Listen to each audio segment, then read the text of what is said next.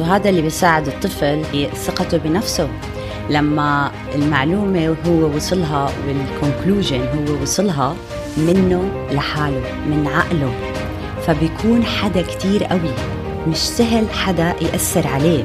فحنعرض هلأ عليكم نموذج اقترحه الكاتب في كتابه الكاتب أدوارد دوبونو كتب كتاب اسمه Teach Your Child How to Think. وهذا الكتاب مثل العنوان بيساعد الأهل أو المربي في تربية أطفالهم على طريقة التفكير التحليلي. أهلا وسهلا فيكم في البودكاست التربوي القائد الصغير برنامجنا لكل أم وأب لنساعد بعض في تربية أطفالنا تربية قيادية صحيحة. طفل اليوم هو قائد الغد أنا لينا. وأنا هيلدا. ونحن الاثنين أخصائيين بتربية الأطفال على طريقة دكتور ماريا منتسوري. بحلقة اليوم رح نتعلم عن التفكير التحليلي. قد يا هلدا نحن بنقضي وقت نفكر. بنقول لأولادنا دقيقة خلوني أفكر. ولجوزنا خليني أفكر بالموضوع. طيب هل عمرنا فكرنا شو هو التفكير أو أنا كيف متوقعة من أطفالي يفكروا؟ هم أصلا بيعرفوا كيف يفكروا. أكيد الله أعطانا لنا كلنا مخ تنفكر فيه. بس هل بنعرف نستخدمه بكل مدى؟ مدى الإبداعي مدى التحليلي مدى المنطقي؟ يعني هل بنعرف نستخدم كل مدى مخنا تنفكر؟ لأنه هاي مهارة ممكن ببساطة نعلمها لأولادنا. ونحن وصغار هلدا أو أتليس وأنا وصغيرة ما بعرف كيف وأنتي وصغيرة. بس وأنا وصغيرة كانوا كتير يحبوا هيك يجمعونا. ولما أقول كتير بالأخص والدي ويحكي لنا فوازير. فوازير التراث الفلسطيني. والفوازير هاي كانت تتحكى عشان يشوفوا نسبة ذكائنا أو at least نحن هيك كنا نحس. أو طريقة أو تفكيرنا. أو يعقدونا. يشوفوا يعني أنت ذكية أو مش ذكية يعني أو بتعرفي تفكري. وبعدين بيحطوكي هيك تحت ضغط الوقت.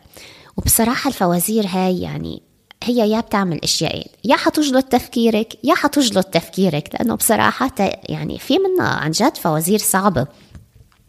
فعشان نساعد الطفل يفكر الموضوع لازم يكون يطرح ببساطة للأطفال. يكون بسيط ويكون تماما بعيد بعد تام عن التعقيدات. وهذا أساس موضوعنا لليوم. كيف نساعد الطفل في التفكير التحليلي ببساطة ونبعده عن التعقيدات. والتفكير التحليلي لينا هو مجموعة من المهارات. صح عقلنا انخلق عشان يفكر وعشان يطور أي فكرة إحنا اكسبوز لإلها أو حسيناها أو وقعت علينا من خلال حواسنا. بس أوقات بننسى إنه في كتير شغلات كمان من ثقافتنا من أهلنا بناخدها بطريقة التفكير مثلا لما قلتك هاي الحوازير آه، اللي هي بت يعني okay أعطيني طريقة أفكر في الحزورة صح. okay؟ أعطيني طريقة أحلل هاي الحزورة بس مش تزت علي أشياء ما حكي ما قريتي لنا الحزورة لينا لازم تقريها آه، أشياء أوقات فعليا هي كتير complicated للطفل وما بنعلمه كيف يحللها. بس أخذناها من أهلنا وعرضناها على طفلنا لأنه إحنا هيك إحنا تعرضنا لها فبنحس إنه من الضروري الطفل يتعرض لها. فالتفكير اللي اليوم رح نحكي عنه هو مهارات سكيلز إحنا رح نطورها بالطفل. نحدد المشكلة ونطلع عليها من بعيد. عشان نشوف شو في غلط بهاي المشكلة؟ شو ال ال النقاط القوة بهاي المشكلة؟ وكيف ننتقدها؟ إحنا ننتقد أفكارنا قبل ما الناس تنتقدها. وشو قدامنا حلول؟ وشو قدامنا افتراضات؟ وكيف م. فينا نطبق هاي المعلومات اللي إحنا بنكتسبها؟ كيف فينا نطبقها بطريقة إبداعية على الواقع؟ وإذا طفلنا ربي على هيك أكيد حيكون عنده مهارات قيادية. حيعرف يحلل وحيعرف يتأكد من الحقائق وحيعرف ينقد وحيعرف يطلع بحلول من غير ما يبنك من غير ما يتوتر. التفكير التحليلي مهارة أساسية في زمننا هذا. وهاي المهارة إذا اكتسبها طفلنا على صغره أمنا كبرته. الشركات العالمية هلأ لما توظف الإنسان ما بتطلع بس على شهادته أنت هارفارد أنت ستانفورد أنت كذا لأ بتطلع على طريقة تحليله للأمور وتفكيره. وفي بتسأل أسئلة بيسموها brain teasers هي أسئلة شوي تعجيزية. مش هدفها تعرف الجواب إنه جوابك يكون صح هدفها تشوف هذا الإنسان راكز على كرسي عرف يفكر عرف يعرض الحقائق عرف يحلل الموضوع عرف شو يسأل نوعية الأسئلة عشان يتوصل للحل whether هو صح ولا هو غلط. ومثل ما حكينا التفكير مهارة. مش مثل طولك ولون شعرك خلص لبسك طول حياتك ما فيك تغيريه. التفكير مهارة ممكن تكتسبيها وممكن تتعلميها مثل ركوب البسكلات أو تعلم السباحة. فنتعلمها على صغر وما ننساها طول حياتنا أحسن مما نتعلمها على كبر إحنا مثلا لما ناخذ طفلنا على الحديقة وتكون عادي مشي عادية بنشوف النمل وين رايح نسأل هذا التفكير هون. هون إحنا بنخليه. يسأل أسئلة عن الواقع تاعه عشان يطور أفكاره ويزيد معلوماته بس بطريقة تحليلية. أوكي إذا النمل راح هناك إذا هاي النملة راحت هناك معناها يمكن أو بيتها هناك أو في أكل هي بتعرف إنه موجود هناك. خلينا نلحقها. وبعديها بنشوف أوه أنت كنت غلطان أنا كنت صح. okay آه كان هذا بيتها. okay طيب هي من وين عم بتجيب أكل؟ بنرجع بنلحق أو عم بتجيب أكل من هون. okay؟ فهي هيك بتبلش الأمور بتبلش ببساطة. فإحنا بدنا نعطيه سلوك التفكير السلوك التحليلي إنه ليه كيف عشان شو؟ ما ناخذ الإشي هيك blunt زي ما بيقولوا بغض النظر. خبط لزق. خبط لزق. هو هيك. كم مرة بالمدرسة لينا قالت لك المعلمة هو هيك. اوه كبرنا عليها. وتمها مليان. هو هيك هو هيك هو حدا قال هيك وخلص هذا هيك. فلا yes.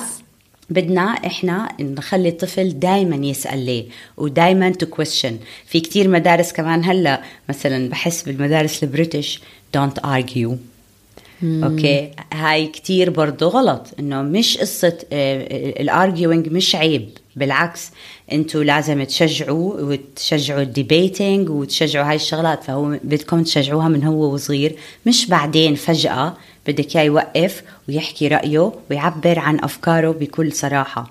وهاي ال challenge اللي بالمدارس actually إنه المدارس تعودوا للأسف إنه يعطوا معلمة بالنص وطلاب قدامها وعم تعطي المعلومات بالمعلقة للطفل أوكي؟ وهو بيحفظها وبيعيدها. وعلى سيرة السلوك هل ده صح إنه سلوك إنه يكون عنده عقل الفضول إنه يحب يعرف كل إشي ونشجع أسئلته ليش وكيف بس كمان يكون عنده سلوك إنه يقول لنفسه أنا مفكر. كثير من الأيام الأهل ولا معلمين بيستصغروا من الطفل وكلنا بنوقع بهذا الفخ يعني أنا وقعت فيه وأكيد أنت كمان هلدا مع ليث ريان لأنه يعني هو بالأخير طفل قدامك ولما يكون طفلك فعلا بيكون طفل وبزيادة أنت دائما حتكون طفلي. فكأنه يعني بنحاول نحميه من التفكير الزيادة إنه خلص خلص أنا حفكر عنك أنا حساعدك لأنه هاي مسؤوليتي فبنروح مستصغرينه وبنحرمه من فرصة التفكير. خلي الطفل يربى من وهو وصغير وهو عم بيقول لنفسه أنا مفكر أنا مفكر. ويطلع على المراية ويقول أنا مفكر. لأنه طبعا آه العلم الحديث بيقول لو هو قال هيك لنفسه وصدق الجملة اللي عم بيقولها حيعرف يفكر نو ماتر قد إيه الموضوع كبير عليه. حتى لو ما عارف الجواب مثل ما حكينا حيعرف يحلل. وأيام التحليل هو اللي أنت محتاجاه. هاي هي المهارة اللي أنت محتاجاها.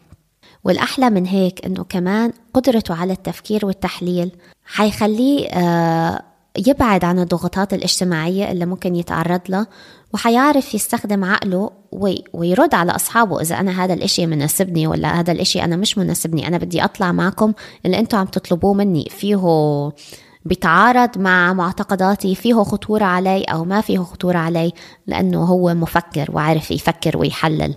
وهذا اللي بيساعد الطفل بثقته بنفسه لما المعلومة هو وصلها وال conclusion هو وصلها منه لحاله من هو من نظامه التعليمي من عقله فبيكون حدا كتير قوي مش سهل حدا يأثر عليه عرفتي؟ فهاي كتير skill مهمة وجدا مهمة إنه يكبر عليها يكبر بهالطريقة التفكير إنه إحنا بنعطيه شوية tips بس ال conclusion الخبرة التعليمية. قصدي مش خبرة تعليمية curriculum لا. دراسة academics لا. الخبرة التعليمية بالحياة. إنه مثلا انتبه في هون أزاز. بنضلنا ننتبه في أزاز. لا خليك ادخل في الأزاز وانجرح. okay. آه آه هون في أزاز لحاله بصير. بصير أول ما يشوف هالمنطقة بصير يمشي شوي شوي. فهاي هي الخبرة الحياتية اللي هي بتيجي from within من منه نفسه. مثلا لينا آه، فرش أسنانك. مين؟ يرفع إيده كلنا هيك. هيك فرش أسنانك. قلت not ما ما ححكي لكم فرش أسنانكم okay؟ مم. استنيت ثلاثة شهور على أعصابي.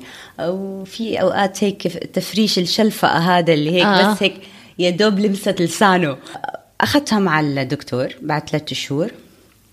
آه شو؟ سوس؟ آه سوس drilling لازم تعمل drilling صح؟ هذا الدكتور عم بيقول ولا انت عم بتمثلي؟ أنا أنا عم بمثل عم بقول في drilling في أكيد okay. في drilling ما هو في سوس definitely في drilling لأنه بده آه. من السوس. آه يعني حتحفر. آه خلص okay تفضل. مبسوط إنك ما عم تفرش بدك تتحمل شوية وجع لأنه أنا ضد يعطوهم إبرة بنج لأني دائما آه. بحب ألحق بأول بأول وبحب يتوجعوا عشان يتعلموا okay. وقتها بطلع من هناك موجوع ماخذ قرار مش بعمره حينساه إنه بتوقف وبتفرش أسنانك okay خلص وهي فعلا صارت معك هيك صار معهم صارت معي exactly. exactly. فأنا دائما بحب هيك أعلمهم بهاي الطريقة. بدك كذا؟ okay خلص fine اعمله بس بعديها بشوف بعينه نتيجة فعله. وبحس أوقات الأهل اللي ما بيعملوا هيك يعني بحس إنه إحنا عم نضحك عليه لأنه هيك الدنيا. ليه نضحك عليه ونخليه يزت مشاكله علينا ويزت مشاكله عبرا؟ لا مشاكلك من جوا. فأنت بدك تشتغل عليها. أنت you need to work hard عشان تاخذ قرارات منه أنت مم. وصغير وتتعلم هاي ال skills هلأ المهارات عشان بعدين ما تتغلب بالتعلم. يعني بصير كتير صعب للواحد ياخذ لسن فنحن من كل وراء هالموضوع وموضوع الحلقة هدفنا تعليم أطفالنا كيف يفكروا بأي موضوع يطرح عليهم أي مشكلة يوقعوا فيها أو أي قرار بحبوا ياخدوه. وبما أنه طفلنا مثل ما حكينا من عمر الثلاثة لست سنين بيتعلم من طريقة اللمس أو أنه يشوف الإشي بعينه وبنسمي المصطلح هذا كونكريت فحبينا نساعدكم بتعليم طفلكم طريقة التفكير التحليلي بطريقة concrete فحنعرض هلأ عليكم نموذج اقترحه الكاتب في, في كتابه. الكاتب أدوارد دوبونو كتب كتاب اسمه Teach Your Child How to Think. وهذا الكتاب مثل العنوان بيساعد الأهل أو المربي في تربية أطفالهم على طريقة التفكير التحليلي. واستخدم نموذج سماه قبعات التفكير. هلأ قبعات التفكير هم in total ستة. بس م. إحنا لأنه الطفل ما حيقدر ستة ستة لنا إحنا الكبار فينا نتدرب عليهم. وكتير حلوة إذا عندكم night game كتير حلوة تعملوها على على هيك any article بالمجلة أو طلع لكم هاد إنه شوفوا قد إيه عن جد هي كتير حلوة و creative so so, إحنا رح نقدم للطفل ثلاثة بس ورح نقدم له وحدة كل شهر عشان يفهم ال concept تاعها ويفهم إمتى يستعملها. اخترنا لكم ثلاث قبعات لنقدمهم للطفل. القبعة الزرقاء بدنا نوضح الفكرة. القبعة السوداء شو في شي غلط بهاي الفكرة؟ القبعة الخضراء عندي فكرة فكرة جديدة. فحلو فنحن اخترنا لأطفالنا من ثلاثة لستة الثلاث ألوان هدول أزرق أسود وأخضر. وجمال القبعات إنه بتساعد الطفل بالتفكير بطرق مختلفة. يعني to think from all angles. مثلا خلونا نتصور إنه طفلك بس بفكر بطريقة معينة. لما يلبس القبعة الخضراء حيفكر بطريقة جديدة. حيحاول يقترح أفكار جديدة. لما يلبس القبعة السوداء حيشوف الغلط اللي بالفكرة. فهو كمان عم بيقتبس شخصية شخصية جديدة اللي هي بتشوف الغلط اللي بالفكرة. القبعة الزرقاء عم بيقتبس شخصية تانية اللي هي عم بتحب توضح الفكرة. فجمال القبعات مثل ما قال الكاتب إنه بتخلي الإنسان يفكر بطرق مختلفة. بس وانت لابسة القبعة هاي بس حتفكري بالطريقة هاي. وبتشلحيها وبتلبسي لون تاني عشان تفكري بطريقة جديدة. ومثلا خلينا نقول انت بتخجلي تقولي رأيك إنه في شيء غلط بالموضوع لأنه ما بدك الناس تقولوا عنك. مثلا انت ليه هيك مش إيجابية؟ دائما بتحاولي تلاقي الغلط. لما تلبسي قبعة انت عم تقتبسي شخصية. فما في حدا حيحكمك ما في حدا حيطلع عليكي. الكل عارف انك انت هلا عم تقتبسي هذا الدور فقولي اللي تقوليه. وهذا جمال القبعات. عشان هيك الكاتب اختار القبعات. البس واشلح. البس واشلح. والكل حيحترم هذا الشيء وهاي القصة هاي التكنيك كتير رح يساعد الأهل لأنه بياجي عمل experiment فيكم تشوفوها على اليوتيوب اسمها ال mountain experiment تجربة الجبل. فقعد الطفل وفي جبل وفي بسة قدام الطفل وورا الجبل اللي هي وين أمه قاعدة في آه، أرنب. فقال له أنت شو شايف؟ قال له أنا شايف بسة. قال له ماما شو شايفة؟ قال له ماما كمان شايفة بسة مع إنه البسة على الجهة الثانية فهون بتوضح لكم قد إيه هو الطفل رح يتنح معاكم ورح يسكر راسه وإنه ما حيقدر يشوف أنت شو شايف بالموضوع فلما يلب... لما تستعملوا هالإكسرسايز بالبيت كتير حتفتحوا عقل طفلكم على إنه يشوف الأفكار الثانية ويعرضها وإنه كل فكرة بنقدر نناقشها قابلة للنقاش. في أوقات نعمل أفكار بيطلع فيها شغلات غلط زي مثلا حديقة حيوانات بالليل هاي غلط. بول بالليل هاي غلط. فبخلي الطفل يكون شوي متفتح يتقبل انتقادات لفكرته. يعني هل بمثال بياجي الطفل فعلا مصدق إنه أمه شايفه القطة مش قادر يستوعب إنه في جبل أبداً. والام مش شايفه القطة؟ ابدا ابدا. أوه واو. فهذا فعلا مثل ما حكيتي بدل على إن قد إيه الطفل بيشوف الإشي من منظور واحد بس وعلى فكرة مش بس الطفل نحن كمان يا كبار. نحن اشتغلنا على نفسنا بعد ما اشتغلنا بشركات عالمية أو صار عندنا تجارب حياة إنه بلشنا نحلل المواضيع من طريقة مختلفة. بس إذا نحن ما عملنا هذا الإشي فنحن أيام كتير كمان بنوقع بفخ العند وبس بنشوف الإشي من منظور واحد. ليش؟ هيك. أنا هيك رأيي. أنا ما هغير رأيي no matter what. وعلى فكرة لما كنت عم بناقش هذا الموضوع الحلقة هاي مع صديق كان عم بيقول لي إيه يعني كل ما مثلا طفلي يكون عنده مشكلة حي حتقولي لي إلبسي قبعة التفكير. فلا صديقي أنا شرحت له وهلأ كمان أكيد كتير من الأهل حيقولوا نفس الشيء إنه عن جد أنا عندي أربع أولاد وسكت هذا وعشي هذا وهذا بده يتحمم وهذا عم بيصرخ. عندي وقت ألبس قبعات التفكير. خلونا نكون واقعيين لأنه أنا كمان أم لبيبي وأم لبنت عمرها أربع سنين. أكيد أكيد مش كل مشكلة. تعي يا جنين البسي قبعة التفكير لأنه أكيد ما في وقت. بس للمشاكل الكبيرة أو المواضيع اللي فعلا كبيرة لا الموضوع بيستاهل. فعلا بيستاهل. وحتى إذا ما لحقنا نعمله on the spot يعني خلال ما طرحت عليك الموضوع أو خلال وقوع المشكلة. أنا بحالتي أنا فيني أستنى أنيم جودي أو مثلا جوزي يكون مع جودي عشان أجيب جنين على جنب وأقول لها أنت خلال اليوم تعرضتي للمشكلة هاي. تعي نروح على زاوية التفكير أو زاوية قبعات التفكير وتعي نفكر بالموضوع. وأنا فيني أتخيل أنا لسه ما مارست مع جنين بس فيني أتخيل إنه حتتحمس لأنه هي عم بتمثل بآخر اليوم. يعني أنا وياها قاعدين عم نلعب وعم نلبس قبعات وعم نحكي بصوت عالي وعم بنفكر مع بعض. فالموضوع ممتع للطفل ولا شو هلدا؟ يعني انت كتير درستي أطفال. I think حيكون ممتع. الموضوع ممتع وأولها بيكونوا ياخذوا different characters أولها exactly. يعني بدهم يكونوا familiar مع القبعة. بس بعدين بتشوفي إنه بينهم وبين بعض لما يصير مشكلة أو argument بيروحوا هناك بيروحوا على ال corner وبلبسوا الطواقي وببلشوا إنه آه okay okay خلص okay اتفقنا. فهذا كمان إشي حل للي مثلا الإخوان الاثنين بتخانقوا بالبيت. إذا علمناهم آه. عليه بصيروا بالعكس بصيروا okay إنه روحوا هناك على ال corner مش عقاب هي كورنر لأنه عندك مشكلة بدك تعطيها وقت هيك شغلة تانية لحالها كتير أنا بحبها وبقدرها. قد إيه إحنا هيك في عنا مشاكل بنمرق عنها إنه بعدين أو خلص ما بتفكري فيها. لا عندك مشكلة روح أعطيها وقتها حلها وبعديها امشي بحياتك بس إنه مش كل شيء إنه خلص بعدين أو لا. صح مش كل إشي لا أو هلأ أو بعدين. ف الموضوع بيستاهل إنه نكرس له شوية وقت. وعشان نسهل عليكم أكتر فكرنا أنا وهلدا شو أحسن طريقة نسهل الموضوع؟ اخترعنا قصص وسيناريوهات.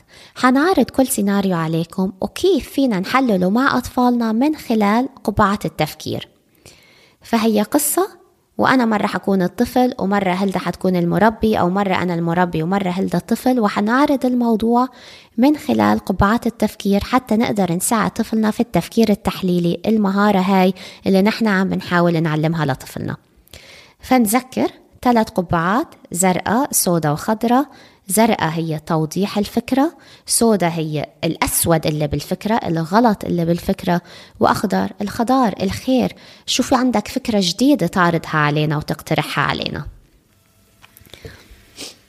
جاهزة هلدا لأول قصة؟ جاهزة يلا. okay. أنا كمدربة حياة كتير إجالي أطفال خصوصا بنات. هاي هي دايما خلينا نسميها المشكلة أو المأزق لعمر ست سنين وفوق إنه ما عندها صديقة مميزة ما عندها best friend أنا عندي أصحاب كتير بس ما عندي one best friend. فهذا هو السيناريو. عنا بنت عم تبكي لوالدتها إنه هي ما عندها best friend بس عندها كتير أصحاب. كيف فينا نساعدها تحلل هذا المأزق؟ تتكتشف إنه الخير كمان بالكترة مش بس بالصديق الواحد. يلا أنا الطفل. حنلبس هلأ هلدا الأزرق والأخضر أو الأسود. أنا هلأ الأم عم بحكي لبنتي مرام. ولابسة قبعة الزرقاء تساعدها في توضيح الفكرة. خلينا نوضح الفكرة يا مرام. هاي هي المشكلة؟ طيب مرام مع هاي الصديقة المميزة your best friend انت نفسك best friend شو بتحبي تعملي معها؟ رح ألبس القبعة الخضراء عشان عندي فكرة جديدة. بحب أرسم معها. آه أنا هلأ رح ألبس القبعة الزرقاء عشان أوضح لها الموضوع. مرام أنت بدك بس فريند عشان ترسمي معها. جربتي تعرفي مين من صحباتك الخمسة بحب الرسم؟ مرام رح تلبس القبعة السوداء. في غلط بالفكرة. لا أنا ما جربتها. ما جربت أسأل ولا صحباتي ولا حدا من صحباتي مين بحب يرسم آه أنا هلأ عم بلبس القبعة الزرقاء عشان كمان مرة أوضح لها اللي عم بيصير. طيب مرام ليش ما تجربي؟ ليه ما تجربي تسألي صحباتك الخمسة مين بحب يرسم معكي؟ وهلأ شلحت القبعة الزرقاء وحلبس القبعة الخضراء عشان أقترح عليها كمان فكرة جديدة. شوفي مرام انت بكرة فيك تروحي على المدرسة وتسألي مين من صحباتك بحب الرسم والصحبة اللي بتجاوب عليكي تعزميها عنا على البيت ترسم معكي فشو رأيك مرام بالفكرة؟ حلينا مشكلتك؟ فكرة كتير حلوة رح أسألهم مين بحب يرسم. فهون إحنا أخذنا مرام خطوة خطوة. عندها مشكلة ورجيناها إنها فيها تحلل المشكلة وفيها إنها توصل لحل. معانا هلأ رح يكون بس بعديها رح تاخذ هذا الأسلوب تتشربه وتصير تستعمله بأي مشكلة بتواجهها بحياتها. هلأ another example. سارة قرب عيد ميلادها وما عارفة شو تختار هدية. فهلأ رح نساعدها إنها تختار هدية. أوكي؟ يبقى أنا سارة وأنت المربي وتنذكر عنا قبعة زرقاء قبعة خضراء وسوداء. الزرقاء بنوضح الفكرة الخضراء شو عن شو عنا إشي جديد وس إن إنه نزيده على فكرة والسوداء شو كل إشي غلط بالفكرة الدنيا سوداء. أنا المربي لبست القبعة الزرقاء. خلينا نوضح انت شو بتحتاجي لعيد ميلادك؟ هدية. آه أنا هلأ لبست الخضرة وعم بفكر بدي أرد على الماما.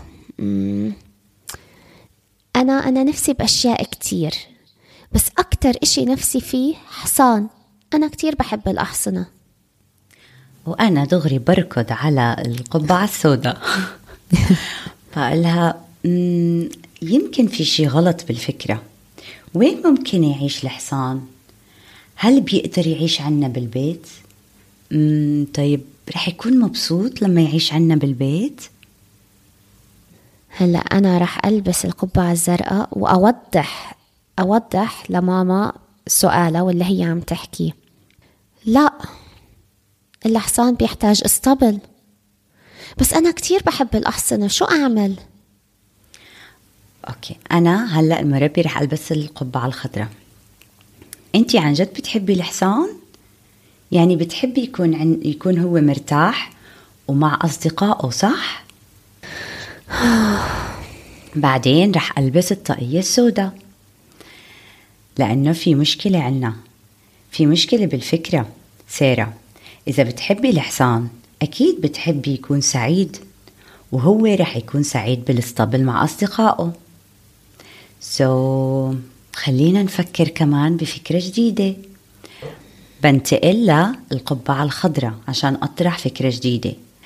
عندي فكرة إلك سارة. شو رأيك؟ لأنك كتير بتحبي الأحصنة نزود زيارتنا على الاسطبل وهاي حتكون هديتي إلك بعيد ميلادك. كتير كتير كتير مبسوطة. حل... حلينا المشكلة تاعت الهدية العيد ميلاد؟ حليناها. أنا صار فيني أشوف حصاني المفضل أكتر. وأنا وفرت بجيبتي. فنحن أجان بالسيناريو هذا قدرنا نساعد سارة قدرنا نخليها تفكر من طرق مختلفة. هي نفسها بالحصان طيب ليه الحصان مش ظابط؟ خليناها تشوف إنه الحصان بده اسطبل وبده صديق وحللت الأمور حتى توصلت للنتيجة هاي. طبعا كتير احتاجت مساعدة هلدا اللي هي والدتها بس نحن عم بنعلم والتعليم بياخد وقت. فهلأ عم بنعلم عشان هي لما تكبر تقدر تقوم باللي هلدا قامت فيه. وأخيرا عنا سيناريو كتير من الأطفال بيتعرضوا له. لازم الطفل ينقل مدرسته. هو كتير مبسوط بجو المدرسة اللي فيه بس هلأ حان الوقت إنه ينقل المدرسة. وهذا الموضوع كتير صعب على أي طفل على نفسيته. وبما إنه خلونا نذكر إنه الطفل عنا كونكريت بحب يتعلم من خلال اللمس أو من خلال النظر فحنعرض عليه الثلاث قبعات الزرقاء السوداء والخضراء وحنقوم بارتدائها معه عشان نساعده بحل مشكلته اللي هي كتير تقيلة على قلبه وعلى نفسيته إنه هو مضطر ينقل المدرسة. الأطفال كتير عادة بيكونوا بتعلقوا بالمكان اللي هم بيروحوا عليه كل يوم أصحابهم تقولي لهم مكان تاني بحسوا آه إنه في كتير تغيير. فعشان هيك بليز آه أعطوا الطفل وقت وخذوه على زاوية القبعات على زاوية التفكير والتحليل علشان يقدر هو يكون ماخذ قرار. وإذا بتقدروا كمان تعطوه responsibility مسؤولية عشان هو يعملها باتخاذ هذا القرار بيكون كتير منيح زي ما رح نعمل هلأ. okay. رحنا عزمت الطفل على زاوية التفكير لنلاقي حل. ولبست الطاقية الزرقاء عشان أوضح له الفكرة. أنت كتير حزين لأنك بدك تترك المدرسة صح؟ بعدين قال لي مثلا okay آه أنا كتير حزين.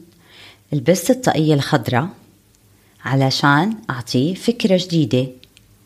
خلينا نشوف إذا في class إلك للسنة الجاي. رحنا على التسجيل لبسنا الطاقية السوداء لأنه ما في class لإله السنة الجاي. بعديها لبسنا الطاقية الخضراء عشان نشوف حل تاني نشوف فكرة جديدة. خلينا نشوف وين أصحابك رايحين. وقتيها انتبه إنه كل أصحابه مش موجودين هون فبنلبس الطاقية الزرقاء لنوضح هالفكرة. كل أصحابك رايحين على مدرسة تانية. لأنكم عم تكبروا على هاي المدرسة. ومحتاجين مدرسة لعمركم. انت قد عمرك ست سنين. وبسأل صاحبه الثاني انت كمان ستة ستة ستة. okay so انتو هلأ عمركم ست سنين ولازم تنتقلوا على مدرسة كبيرة بعديها بلبس الطاقية الخضراء لألاقي كمان حل. شو رأيك؟ هون أنا أعطيته responsibility. شو رأيك تسأل ماما وبابا؟ وتدوروا على مدرسة ليحطوا اسمك بال class لعمرك. قبل ما المدرسة تصير full حسسته إنه بدك تفكر بدك تاخد قرار. وفي كمان تزور المدرسة الجديدة قبل ما يحطوا اسمك عندهم بال class. هون ريحنا إنه ما يكون في ضغط أنت فيك تروح تشوف ال environment قبل ما تداوم فيها أو أو قبل ما تكون فيها دائما ولو لاحظتوا شو صار بالسيناريو هذا إنه الطفل هون من حزنه مش قادر يفكر يعني ما رد على هلدا بأي سؤال. فهلدا قامت بالتفكير كله وهذا جدا طبيعي للفئة العمرية من ثلاثة لستة فيعني أيام نحن بنضغط عليهم إنه لا فكروا بدكم بدكم تفكروا.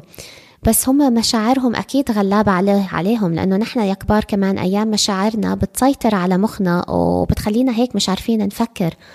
فعادي طبيعي كتير. هيلدا قالت له كل ال... كل يعني هي حللت عنه استخدمت التفكير التحليلي حللت كل الموقف عنه ولبست كل القبعات نيابة عنه.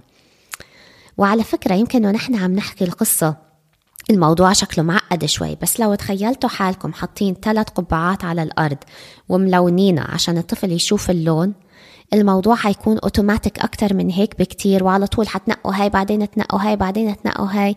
فالموضوع فعلا بسيط. فحنفرجيكم كمان كيف فيكم تعملوه على انستغرام تنسهل عليكم أكتر ونساعدكم في يعني مجال التفكير التحليلي. ومثل ما حكينا تعالوا نتذكر ونذكر بعض إنه التفكير التحليلي مهارة. الإنسان ما فيه يكتسبها بيوم وليلة بدها تدريب وبدها تدريب وبدها تدريب. فمثل ما ركبنا البسكلات أو مثل ما تعلمنا سباحة ما كان الموضوع بيوم وليلة اكتسبنا المهارة وفضلت معنا لمدى حياتنا. فتعالوا نساعد أطفالنا على التفكير التحليلي حتى نساعدهم في استخدام مهاراتهم الذهنية والعقلية بكامل قواها. يفكروا بطريقة إبداعية اللي هو المخ اليمين ويفكروا بطريقة تحليلية ولوجيكية من لوجيك اللي هو المخ الشمال. الطرف الشمال يعني الجزء الشمال من المخ. فخلونا نأمن أطفالنا للكبر ونساعدهم بالمجال التفكير التحليلي حتى يلاقوا وظائف أو يشتغلوا أو أو يبدعوا وحتى يقودوا. طفل اليوم هو قائد الغد. أنا لينا. وأنا هلدا. واستنونا بالحلقات الجاي